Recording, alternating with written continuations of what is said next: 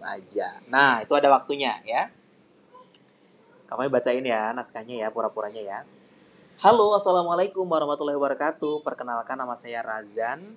Hari ini saya akan membicarakan tentang anime penerus dari Naruto. Yep, itulah Boruto, anak pertama dari Naruto.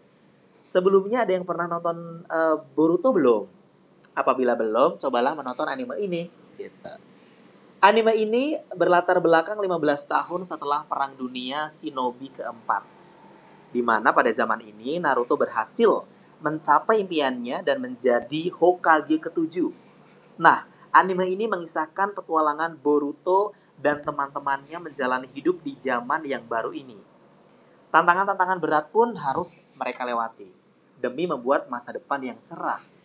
Seperti kembalinya ras alien Otsutsuki, munculnya organisasi Kara, dan lain-lainnya. Penasaran gak nih teman-teman? Untuk menonton anime yang satu ini. Nah, jadi gimana menurut kalian? Apakah mereka mampu melewatinya atau justru gagal? Ingatlah semboyan ini, janganlah mudah menyerah. Tidak ada yang tidak mungkin di dunia ini. Oleh karena itu, apabila melakukan sesuatu, teruslah berusaha sampai sukses. Oke, sampai di sini aja dulu pembahasan dari uh, Razan ya. Sampai bertemu lagi di episode selanjutnya.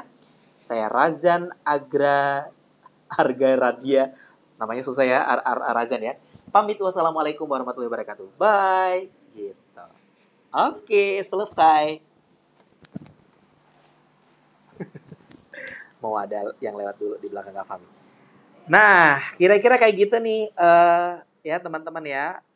Coba kita lihat berapa nih durasinya. Wah, durasinya satu menit. Stop